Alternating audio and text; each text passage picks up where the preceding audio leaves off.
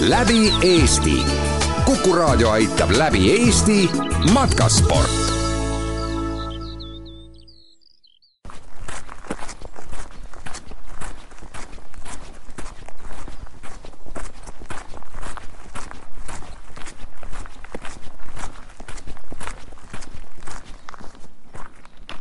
teekond mägedelt kuni Nuku lõkkekohani RMK matkateel tee peal nägi siis Valge Hobusemäge, üle Tarvaisjõe sõluldud, kunstnikke nähtud ja jagus nii ekstreemset mudamaadlust, takistuskõndi kui ka ikka seda kruusateed juba märksa paremas korras. aga nüüd me oleme siis Nuku lõkkekohas ja muidugi mõista tekib küsimus, kust selline nimi see on tulnud ühe talu järgi. nimelt eh, siin asus üks Noku talu ja Noku talu nime lihtsustatud vorm on tuletatud kunagisest Noko talu nimest. eelmise sajandi kolmekümnendatel aastatel oli siin Jõukali järel talu, milles tänaseks on ainult kunagiste hoonete alusmüürid ja varemed alles. hoonete ümbruses asuvast viljakast põllumaast annavad tunnistust aga võimsad pikkade võrsete ja maani ulatuva laia võraga kuused. uuel kasvavad ligistikku kolm kauni võraga suurt arukaske. Nuku pere viimasteks järeltulijateks olid kolm last ja nende auks need kolm arukaski istutatigi.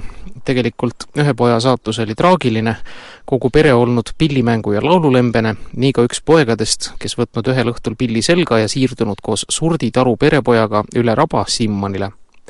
tagasi ei tulnud kumbki. hiljem leiti ühe lauka servalt ka pill kunagisest Bokmanite suguvõsast ja talust pärit on ka amblas töötanud ja fotograafina tuntuks saanud Jakob Bokman ja Järva-Madisel kuulsalt muusika- ja seltsielu tegelased Julius ja William Bokmanid.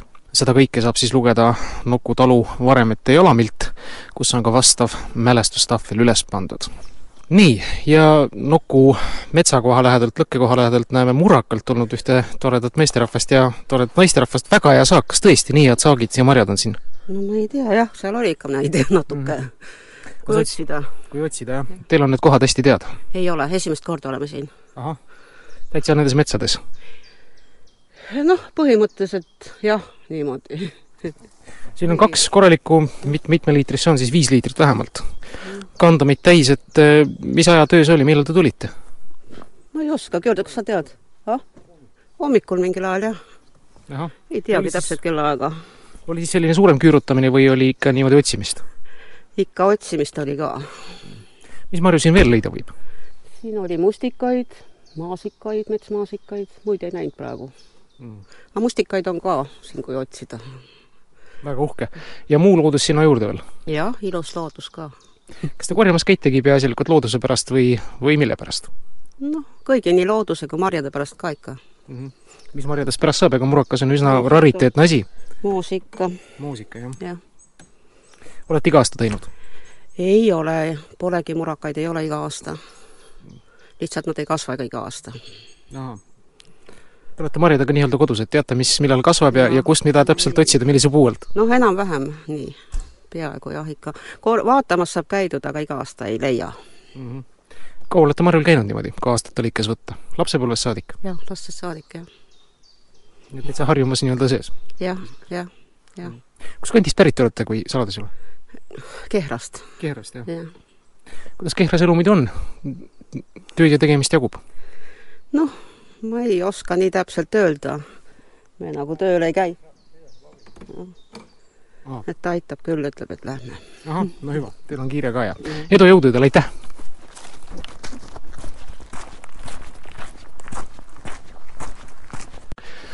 Sellised muljed siis marjakorjajatelt, kes muide siia sõitsid eheda beeži Žiguli null ühega. aga me oleme Kakerda ja Raba väravas ja ei imesta ka, et siin murakaid on. murakad ju kasvavad rabas. Kakerda ja Raba kuulub suurde Epu kakerdi soostikku, mis seob endaga umbes tegelikult viitekümmet raba raba on umbes kaks tuhat nelisada hektarit suur ja säilinud rabadest on ta sügavaim, mille paksus võib ulatuda kaheksa poole meetrini. raba keskel on ka suur laugas järv, mis on oma nime saanud veelinnu järve kauri järgi, kes kuival maal käies ringi kakerdab. ja oli ka märge juures, et Kakerde rabasse minnes igal juhul seda laudteed, mis on kolm koma kaks kilomeetrit pikk, ei tohi sõita jalgrattaga. ja üldse peab olema ettevaatlik, raba ei ole naljaasi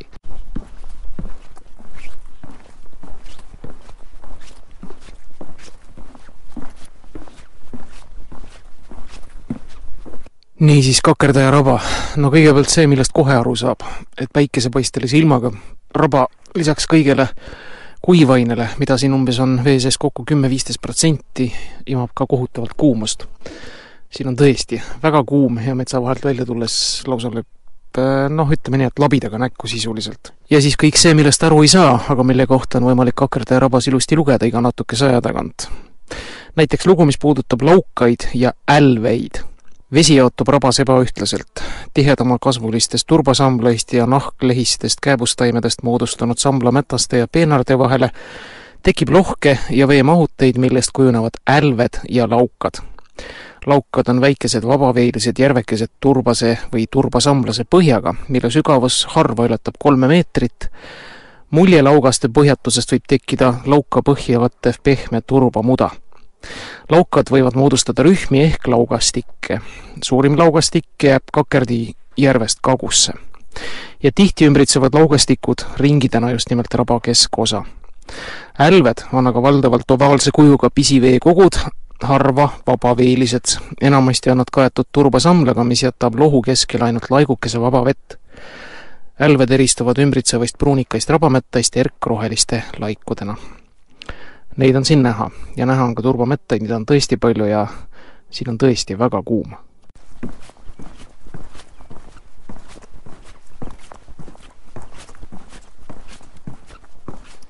iga mõnesaja meetri tagant on kakerdaja rabas mõni infotahvel või tulp, mis annab teada siin rabas elutsevatest taimedest. praegu oleme näiteks sattunud küüvitsat tutvustava infotahvli juurde ja kui juhtumisi tuled rabasse mais-juunis, leiad õitsemas õrnroosade õitega küüvitsa. sarnaselt sookailuga on temagi soos kasvav puhmas, mille lehed on igihaljad ja servast alla rullunud. siiski puudub küüvitsal sookailule ainuomane ja ei saa salata, pead valutama panev lõhn. lihtne on lehte sookailu omast eristada alakülje järgi. küüvitsa lehe alakülg on aga helehallikas, mitte pruun. küüvits on ka madalama kasvuga, õied on kellukjad ja roosad. sügiseti õitseb küüvits tihti teist korda ja siis on ka pikem jutuajamine siin huulheintest. Kui kummardud päikeses kiiskavat rabametast lähemalt silmitsema, leiad samblalt tibatillukesed punaste lehtedega taimed, igal lehel mitukümmend minipäikest, igaüks punase karvakesega otsas ja nii edasi. oi, mingid kured ja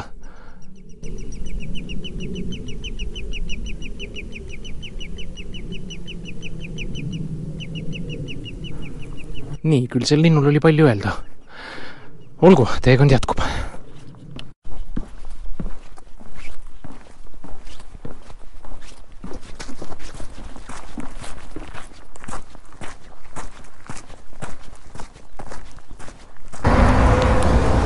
nõndaviisi, üks järjekordne suur maantee, sedakorda Tallinn-Tartu maantee tähistab tehniliselt võttes neljanda matkapäeva lõppu, nelikümmend kilomeetrit, mis sai sihiks seatud Aegviidus.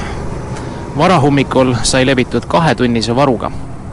aga eks see annab nüüd tunda ka, et nõnda kiiresti sai tuldud. Kakerdaja rabast edasi tulla Ardu poole, seda teekonda on umbes seitseteist kilomeetrit. tõele au andes, ega seal midagi vaadata ei ole seitseteist kilomeetrit ainult kruusateed, väga üksluist kruusateed, ühesuguse maastikuga, sekka jääb üks napu istumise koht Napu jõe äh, puust silla juures, mis avati kümme aastat tagasi ja tehti korda Euroopa raha toel, aga tegemist on puust sillaga, mis väga huvitav. ja kaks asja, mis tee peale jäid, mis äh, suisa peatuma sundisid, üks neist oli hobune, kümmekond kilomeetrit enne Ardut ja teine oli siis loomulikult Kautla memoriaal, mis jääb siit seitse pool kilomeetrit metsa poole, meenutamaks siis Erna Retke vapraid mehi, kes just siin metsades oma vapraid lahinguid lõid. aga sellega võime siis neljanda matkapäeva lugeda lõppenuks ja jääda lootma siis sama toredatele kohtumistele, kui seda pakkus tänane päev. läbi Eesti Kuku raadio aitab läbi Eesti matkasport. nõnda, läbi Eesti saate rännakud on nüüd võtnud selle vabaduse ja volituse minna ka lessikaliselt matkarajalt kõrvale mõnikümmend kilomeetrit lõuna poole ilusasse Eesti asulasse, mille nimi on Järva-Jaani, Alevik. ja vald tervikuna Järva-Jaanis elab palju Kuku raadio häid sõpru ja tuttavaid, aga ütlemata turvaline on koos käia koos peaaegu et Järva-Jaanilase Lauriga, tere Lauri! tervist, tervist! Lauri, ega sulle niisugune rändamine ei ole mitte võõras, ma tean, et sa isegi Kuku raadio eetris oled mõned aastad tagasi rännanud Nipernaadi projekti raames, mistõttu reisimine peaks sulle ka niimoodi hingekohane olema sa saad aru, mis ma teen?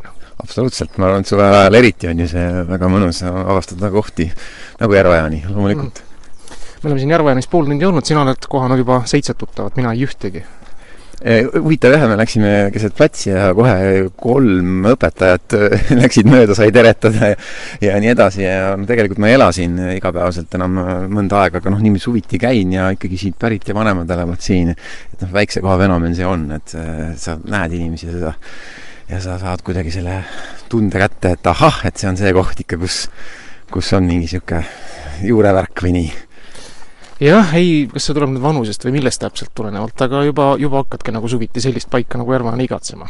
kogu selle vaikuse ilu poolest, kas mitte midagi ei sünni nagu Kivirahu viimases raamatus?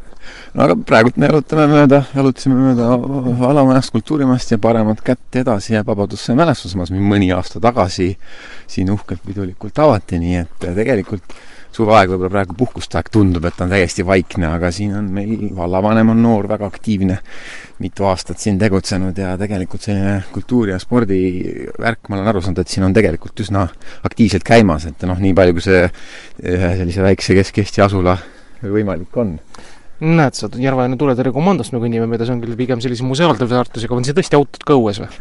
siin me väga ei tea, kas on, noh, me ju teame Tuve Kärnerit kõik, eks ole, kes seda Järva-Jaani vabatahtlikud, videotahtlikud Pritsimeeste seltsi siin vedanud on ja nüüd siis Vanatehnika varjupaika, aga see on jah, selline hoone, mis on võib-olla jah, mööda minnes lihtsalt vilku püüdev. edasi siit pikk, Pika tänavat mööda, ehk siis Piibe maantee ühe osaga äh, vasakut kätt jääb veel üks äh, museaalne hoone ja siis juba Tuve Vanatehnika varjupaik on sealt veel edasi muuseas, nii palju, kui nüüd rännanud olen mööda seda RMK matkateed või ka mujal Eestis taolised vabaduse ja võidusambad, et ma ei tea, kuidas siin on aga mujal Eestis ka ütleme mitte tähtpäevadel on seal aeg-ajalt ikka pärga näha ja, ja, ja siis on ikka küünalt pandud ja, ja selles mõttes, et peetakse meeles, ma ei tea, kuidas siinkandis sellega on? no nagu näha, nüüdki on need sinised, äh, kas, mis need on seal, võõrasemad või mis seal on, aga igal juhul seal üks asetatud äh, värg on.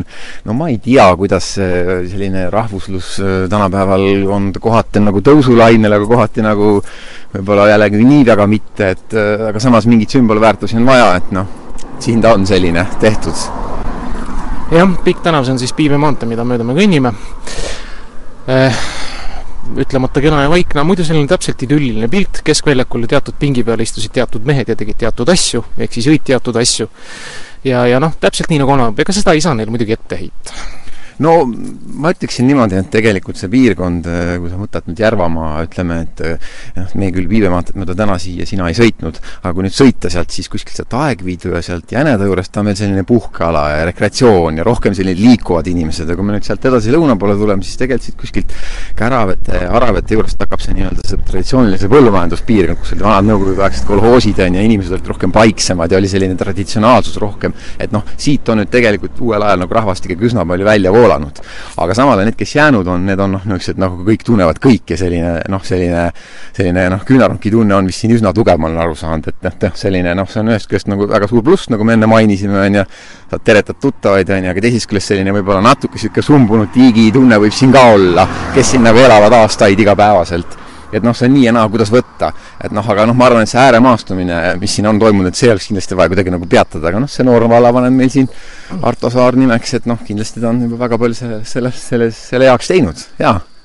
Tuttavatest kõneldes, eks Tuve Kärner on aeg-ajalt ikka ulatanud uudiskünnist ja Järva-Jaanit nii-öelda kaardis ja pildil hoidnud, aga, aga seda teeb tihtipeale ka üks teine järvajaanilane, kelle poole me tegelikult sedamaati siin samme seamegi, me arvame, et ta elab seal ühes pagaritööstuses, mis enam küll pagaritööstus ei ole, tema nimi on Leo ja siis ta aeg-ajalt ikka helistab meile Kuku raadiosse kord nädalas vähemasti, alati korrektselt ennast ka tutvustab, nii, me oleme küll kohal või? noh, see hoone on endine nõukogudeaegne söökla ja minu teada siin see pagaritööstus mingi periood oli äh,, aga noh, vot nüüd, et kas Leo nüüd siin lähedal naabruses otseselt elab või ei ela, vot seda ma kahjuks täpselt öelda ei oska äh,. olen teda ka kohanud küll keset platsi, küll poes, aga vot elukoha osas, aga siinkandis võiks teda kohata, nii et ma arvan, et jalutame edasi ja uurime. uurime ja oleme Leo otsingutel. Me oleme kohal lõpuks ja Leod on väga lihtne leida Järva-Jaanist. Äh, siin Pärna tänaval, väga ilusas valge maja, plekkkatusega, must plekkkatus, jah. ja Leo juurde oli lihtne jõuda ja Leodel on väga hea meel oli tükk aja näha. tervist, Leo, kuidas elu läheb palaval suvel? tere, tere Kuku raadio kuulajad. no suvi on ilus ja, ja ega ei jää muud üle, kui me peame sellest ilusast suvest rõõmu tundma absoluutselt, no kell on praegu kahe tunni pärast algab meil see saade pihta, mida te ilmselt kuulate ja kui põhjust on, siis juurde helistate ka. Öelge, Leo, kus see ühiskondlik nii-öelda aktiivne hoiak, et tahaks asjades kaasa rääkida vähemasti, kas see on teil lapsepõlvest juba kaasa tulnud? on asi on selles, et ma olen metsavahi perest, isa oli mul metsavaht. ja isa juures käisid siis seal noh, ikka nädalas paar korda igasugused inimesed, küll Jõgeva linnast sealt noh, ütleme ametnikud ja, ja kohalikud külanaised saagi viilimas ja, ja ja minu see isa-tädi pani kaarte. ja siis käisid naised seal ühesõnaga kaarti panemas ja nemad käisid seal, rahvas pidevalt käis ja muutus. ja, ja sellepärast oli meie elu oli nagu noh, alati avatud ja seal käis igasuguseid inimesi ja, ja eks lapsed ikka on vahest isa juures kuulevad ka, mis juttu siis räägitakse ja, ja ja, ja vot sealt niisuguse avatud olek.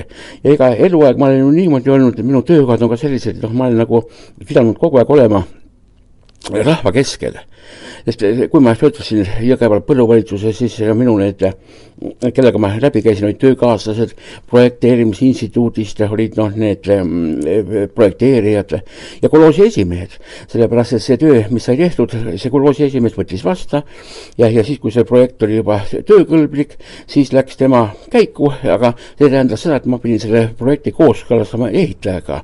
nii et need ehituse firmad, ühesõnaga nendega, noh, mul on ka nagu ühesõnaga tutvusi aga muidugi kõige parem noh, niisugune läbisaamine ja kõige huvitavam seltskond oli ikka need projekteerimise instituudid, kellega sai nagu koostöö tehtud seda on tore kuulda ja lisaks sellele, et te nüüd aktiivne olete ka ühiskonna asjades kaasa rääkima, te olete ka siin kogu praktiliselt tänava naabrivalve enda õlule võtnud, me istume praegu siin mitte teie aias küll, see on ühe arhitekti kena majapidamine Toomas Kärmiku. jah, nii. ja, ja kust see nüüd siis tulnud on, te lihtsalt vaatategi, hoiate silma peal, juhul kui võõrad on näha, et, et väga tühja aed ei läheks? No juhtub jah kõike ette. ja, ja noh, viimane kõige huvitavam juhus oli võib-olla see, kui mina magan ühel suveöösel, see oli vist juulikuuses või niimoodi, ja kuulen, et ükskord üks minu akna tuleb mingi auto. ja see automootor töötab ikka lõka-lõka, lõka-lõka ja mina mõtlesin, et no mul pole ühtegi niisugust sugulast, kelle niisugune noh, diiselmootor oleks, et noh, et lõka-lõka käib. ja siis läksin välja, vaatasin, kaks meest kõndisid ringi ja, ja käisid siis mööda siin hoovisid ja, ja aga õnneks mul tekkis kahtlus. vaatasin numbri ära ja, ja siis helistasin politseisse. ja järgmisel päeval siis politsei helistab tagasi, tahtis natuke andmeid täpsustada läks siis veel mõni aeg mööda ja needsamad mehed, kes olivad, need nabiti kinni siis Lääne-Virumaalt. kuna noh, siin Järva-Jamaal olid need puhkuseaeg oli ja, no ilmselt jõudlusid ka vähe. ja siis tuli välja, et üks see, kes siin noh, käis seda rüüstelhetke tegemas, oli kümme korda juba kohtulikult karistatud, teine oli siis kolmteist korda kohtulikult karistatud te saite siis kohe autonumbri kirja ja, välimused teavad kõike. aga see asi käis nii varjatult, et ega nemad seda ei oska üldse arvatagi. no näed, te olete varjatud salapolitseinik ka kõige magamistoa aknast vaatasin no, ja läbi lehtede, ühesõnaga nad keerasid auto ringi ja nad olid täiesti veendunud, no mitte keegi ei tea, mitte keegi ei näinud, aga ei ole see asi niimoodi. jah, lihtsalt ühesõnaga ma tabasin ära, et noh, et üks normaalne inimene noh, niimoodi ei käitu. et see jätab auto siia, noh, minu sinna pärnapuude alla ja läheb ise siis siia allve peale noh, luuret tegema. ja siis ma teiste inimestega rääkisin, teised inimesed teavad, et nad tegid neid ühesõnaga mehi ka. Nad käisid siin mujal ka veel, noh, hiilimas aga noh, mis nad seal pahandust tegid, ma seda ei tea, sellepärast et mul tagasiside puudub. seda asja ma nägin hiljem ühesõnaga tele, televiisorist, kui nende näidati ühesõnaga seda, see pahategusid ja tutvustati ühesõnaga. läbi Eesti. kuku raadio aitab läbi Eesti matkasport kaua te siin olete elanud? mina tulin Jõgevale või siia jah, kaheksakümmend, oi vanem, seitsekümmend kaheksa, seitsmekümne kaheksandal aastal kolhoosi tööle ja abikaasa siis sai kolhoosis, sai peaökonomisti koha. Ja mina siis jäin siia noh, nagu siis selle alguses insenerina, pärast abitootmise juhatajana, see abitootmise juhataja pidi tegelema selle konservitsehi ehitamise ja see käikuandmisega ja hiljem lisandus mulle siis veel toidutore siin Keskväljakul. Mm.. aga siis kadus kolhoos ära ja, ja siis ma arvasin, et noh, kes siin Eesti Vabariigis ikka seda konservi sööb. ja, ja ma siis sellest konservitsehist loobusin ja, ja, ja jäin siis selle toidutore peale, aga noh, näete, elu läks niimoodi, et isegi kui see Euroopa Liit tuli, siis noh, meid enam ei olnud vaja. ja kahe tuhande viiendast aastast siis enam ei, edasi ei saanud tegutseda. ega meid noh, niimoodi keegi nüüd ei hakanud noh, takistama, aga ei saa, üks väga lihtne asi oli, no meil ei antud enam noh, seda käitlemisluba no ilmselgelt on siis ka, ütleme, euronõuete vastu teil ju üht-teist öelda ka, et, et äh, kas see tegelikult puhtalt Euroopa Liit oligi, ma olen kuulnud, et siin tegelikult Eesti võimud ise keerasid need nõuded natuke veel vinte üle selle koha peale, mis oli juba soovitatud? täpselt õige. asi on selles, et need esialgsed nõuded olid ju nii karmid, ühesõnaga, et noh, et meie Euroopa Liit, meie oleme Euroopa Liit ja, ja ja, noh, nii kõik, kõik, meil kõik, ega, ega minuga niimoodi tehtud.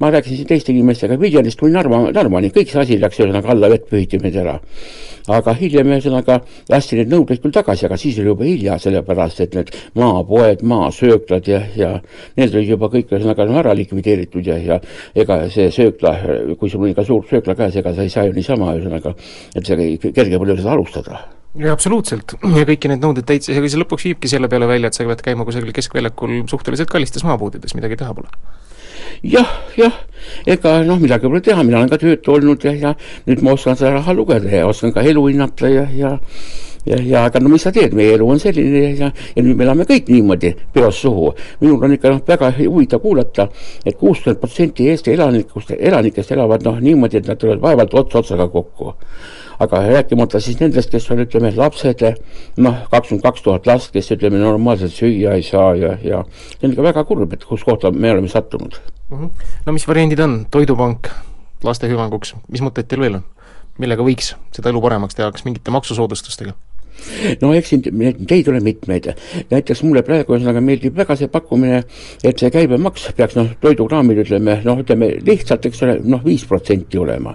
see on täitsa normaalne hind kõigile ja, ja ega ükski see, see, mis praegu Reformikas räägib, see ligi, see on jama. sellepärast, et ühesõnaga ta ütleb, et noh, et see kõige rohkem võidavad rikkad. no ei võida, ega see rikas sööb sama palju kui vaenegi. aga asi on selles lihtsalt ühesõnaga, et vaene saab kuskil kaks nädalat, noh, ütleme nii normaalselt ära elada. aga teine kaks nädalat ta peab lugema oma neid eurosente. ma vaatan poes, kuidas asi käib. inimesed noh, annavad neile kaupa tagasi ja, ja noh, see on ikka kaup meil ka noh, paha asi, et see niisugune asi on. ja et meie elu noh, niivõrd praegu on sattunud, noh, ma ei oska öelda, ega ta muidugi kiita pole, aga noh, eks tuleb loota paremat ja, ja ja mingisuguseid lahendusi peab valitsus leidma. ja muidugi see meie käibe, no üldse see maksumäär, meie maksusüsteem tuleb ümber vaadata, see on ikka niivõrd kõrge, et ma rehkendasin kokku seitsekümmend viis protsenti protsenti, kui inimene noh, ütleme, peab oma rahast ära maksma, see ei ole normaalne. normaalne oleks vastupidi, et see riigimaks on kakskümmend viis protsenti ja seitsekümmend viis protsenti jääks ühesõnaga inimesele endale sellepärast et no see, kui sa mõtled selle, aga inimesed ei taba ära. noh, võib-olla on ka see, et ühesõnaga noh, et tehakse, nihverdatakse neid asju niimoodi, et inimesed ei teagi neid maksumäärasid. isegi ettevõtjad ei tea, kui palju ühesõnaga need maksu, kui suured need maksud on. ja et elavad hästi. nii et noh, vot siin on nagu mõtlemise ruumi no üks mõtlemise ruum on veel, inimesed tihtipeale ei tea ka seda, kui palju homme elekter maksab, vanasti teadsid. kas elektri hinna tõus või see börsile minek teile tuli väga suure hoobina? jaa, jaa tuli. minuga oli, juhtus niimoodi, et ma hakkasin, mina kogun need elektriarved kokku ja hakkasin vaatama, kui enne seda noh, börsile minekut ma uskusin Ansipit, Ansip rääkis, et teate, börsi pealt me saame osta odavat elektrit ja, ja vahest ka natuke kallimat. ja nüüd, kui siis enne selle börsi avamist oli see kilovati hind null kaksteist siis nüüd see on null seitsekümmend kaks. no vaadake, see on kuuekordne tõus ja arvel on ka niimoodi, et ühesõnaga arve on ka ka tunduvalt suureks. ja, ja muidugi see elektri hinna tõus on selle poolest halb, et see pidurdab meie tehnilist progressi kõik asjad, ühesõnaga, no mis oli meil elektri peal, noh, see, oli ju, et selleks, et aitas mehhaniseerida.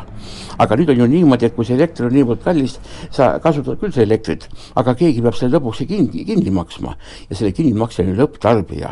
aga kus see vaene lõpptarbija võtab seda raha, kui temal, ütleme, see pension on alla kolmesaja euri kuus ja, ja nii edasi, nii et see oli üks, see, see on noh, väga mõtlematu asi, niimoodi käituvad ainult ühe päeva peremehed Rivo, räägime natuke positiivseid asju ka, ikkagi on suvi ja võib-olla on ikka midagi ilusat ka siin ilmas, räägime näiteks noortest.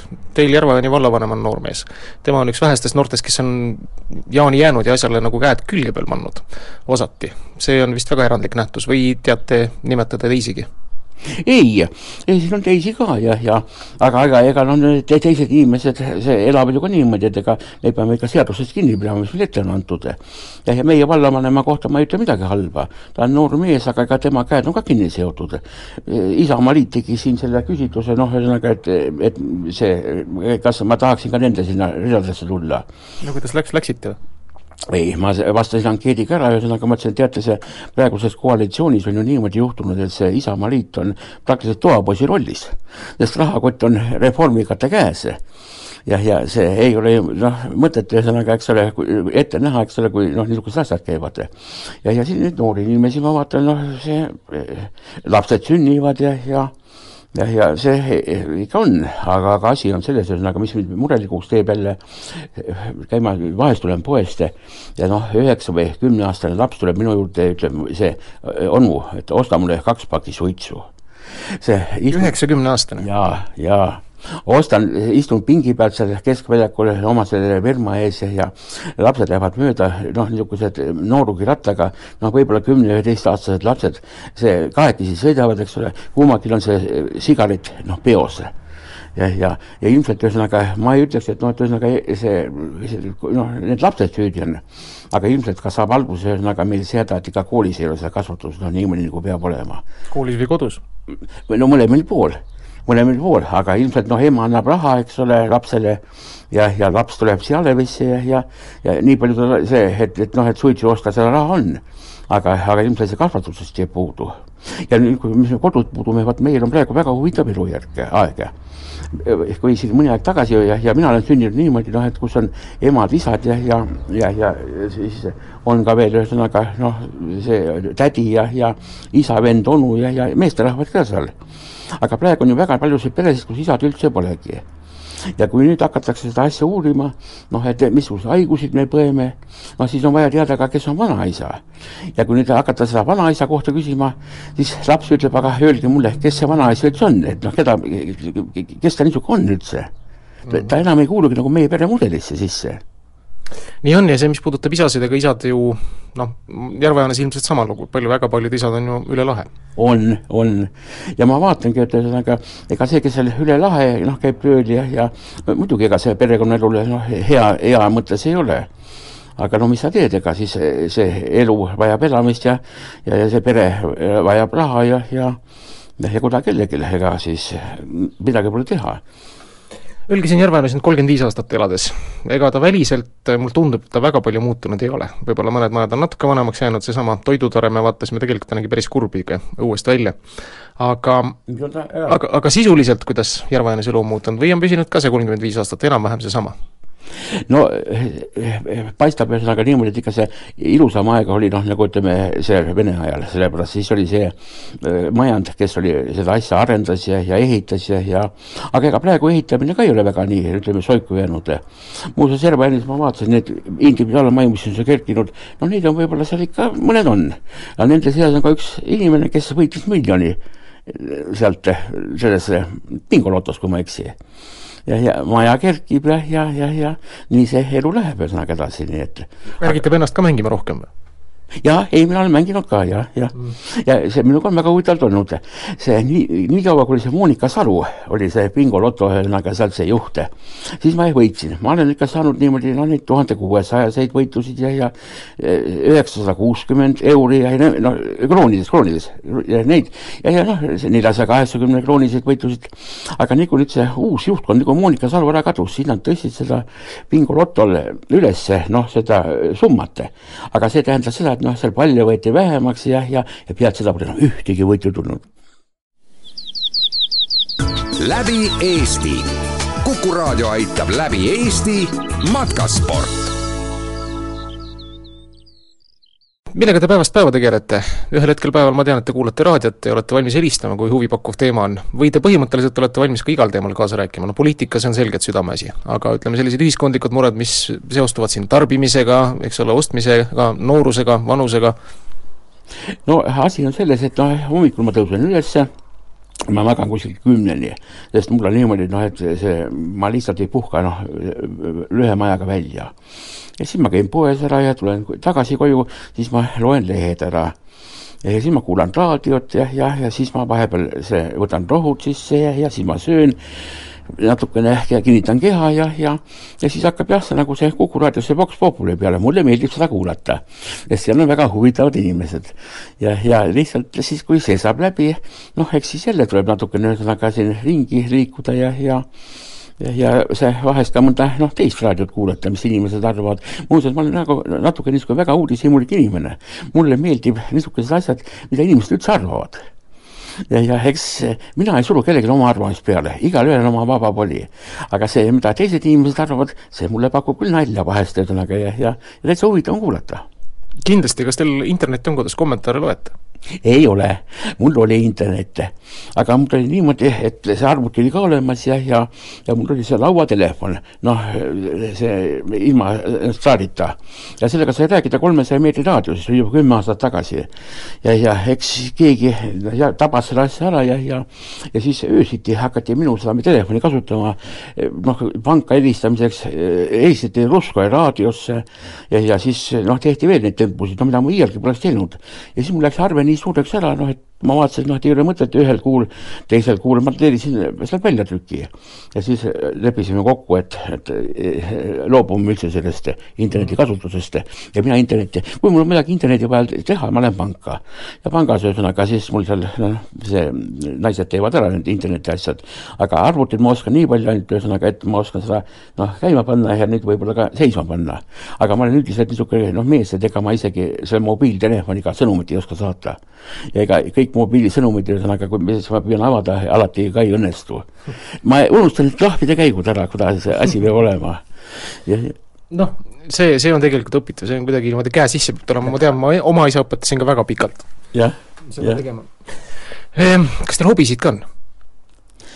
noh, ega ma spordimees ei ole sellepärast et lihtsalt ühesõnaga noh, sport on nagu minu jaoks aga mulle väga meeldib ühesõnaga vaadata autokrossi ja, ja käia vaatamas ja, ja no nüüd on nagu paratamatu on ka see asi, et mul see lapselaps tegeleb selle motokrossiga.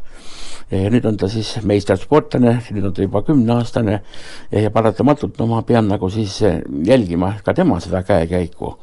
aga kuna ma olen niisuguses eas, et noh, lihtsalt enam päikest ei talu, ega ma nendel võistlustel noh, ei taha ühesõnaga käia, sest see on noh, päevaajal ja, ja ma lihtsalt kuumust ei talu nii palju. ja teine asi on ka, et noh, et see lihtsalt jalad juba enam ei pea vastu et seal kuskil ebatasasel pinnal seista. Lapselapsel läheb hästi? jaa, jaa, tema on Inglise kolledžis, nüüd ta lõpetas kolmanda klassi ära ja, ja ta on tubli poiss. millega lapsed tegelevad? lapsed on mul kaks tükki ja, ja see, mul on niimoodi, et see poeg, tema tegeleb noh, nagu niisugune ettevõtlusega, äriga. poeg ongi nüüd, kes mul tegi siin noh, sellise sööklakombe uue katuse peale, soojustuse peale ja, ja ja, ja siis eh, elab Tallinnas ja, ja, ja tema siis eh, see no, elukaaslane, see on eh, jurist mm., tegeleb nende, selle asjadega.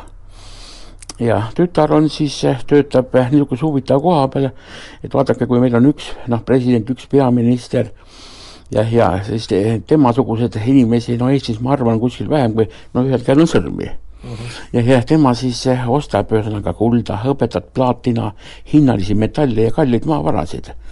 aga see tehing käib üle maailma ja, ja tema käib nendes maailma suuremates linnades, London, Amsterdam ja, ja Seoul, Brüssel, Moskva, no mitte Brüssel, vaid see, need, kus on noh, börsid mm. -hmm. aga ega ta alati ei pea seal kohal käima, sellepärast et ega tema ei võta seda eh, ostetud kogust ei anna üle ega ei võta vastu, vaid tema käes on rahakott ja väga huvitav nii et ühesõnaga. no see on tõesti väga huvitav jah ja.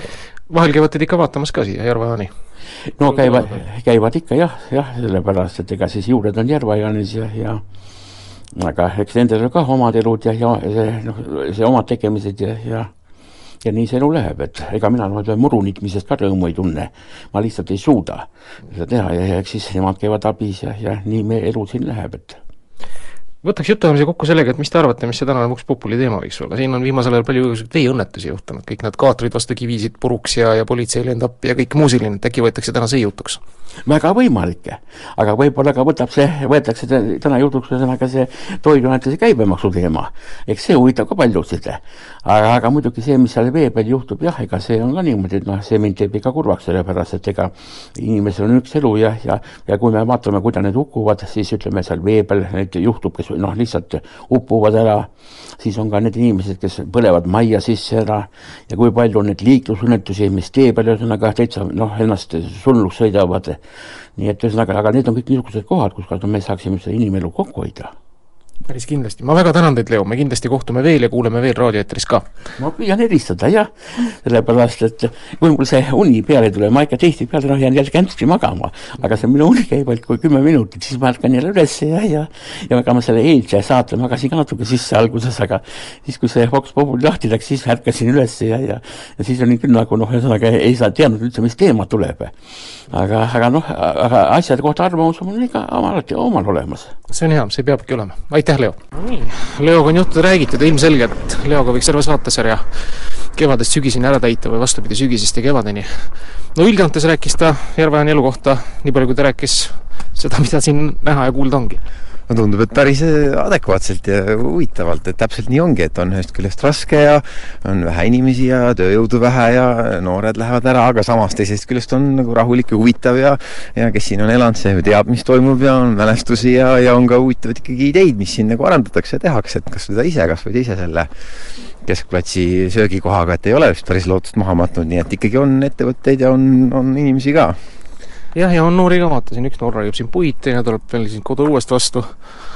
Äh, see on üks korrusmajade rajoon, kus ma nüüd siis Järve-Jaanust sattunud olen äh, kui me nüüd jah, me tulime mööda Pärna tänavat, Pärna tänav nagu pigem rohkem on eramajade tsoon, äh, aga siit nüüd jah, ütleme siis siia keskplatsi poole tagasi jalutades siin siis jah, kahekorrused telliskivi Äh, paar tükki siin on, enne kui päris klats, keskplatsi jõuame, muidu korrusmajad jäävad rohkem jah, sinna Koerutee äärde, nii e-, vinkliteks kutsutakse neid, et see on siit üks viissada meetrit sinna, sinna, sinna Koerutee poole jah, aga, aga Järveojani selles mõttes jah, tundub nagu tasakaalus, et on, on nii eramaju kui, kui ka on neid korrusmaju ja ja noh, arvan, et see on selles mõttes niisugune okei okay. jah, see on noh, ütleme asula nagu iga Eesti teinegi, siin on lihtsalt noh, keskmise omavalitsuse jagu rahvast, vaatame nüüd Eesti peale tervikuna kokku jah, ma arvan, et noh, kui nüüd, eks selle oskaksid ametiinimesed ja vallainimesed rohkem rääkida, aga see valdade ühinemise teema on, aga ma arvan, et see, see võib, võib minna ra-, raskeks, et kellega kui palju ühineda, kuuldavasti see arutelu on päris pinev praegu siin ka mm -hmm. ümbruskonna valdadega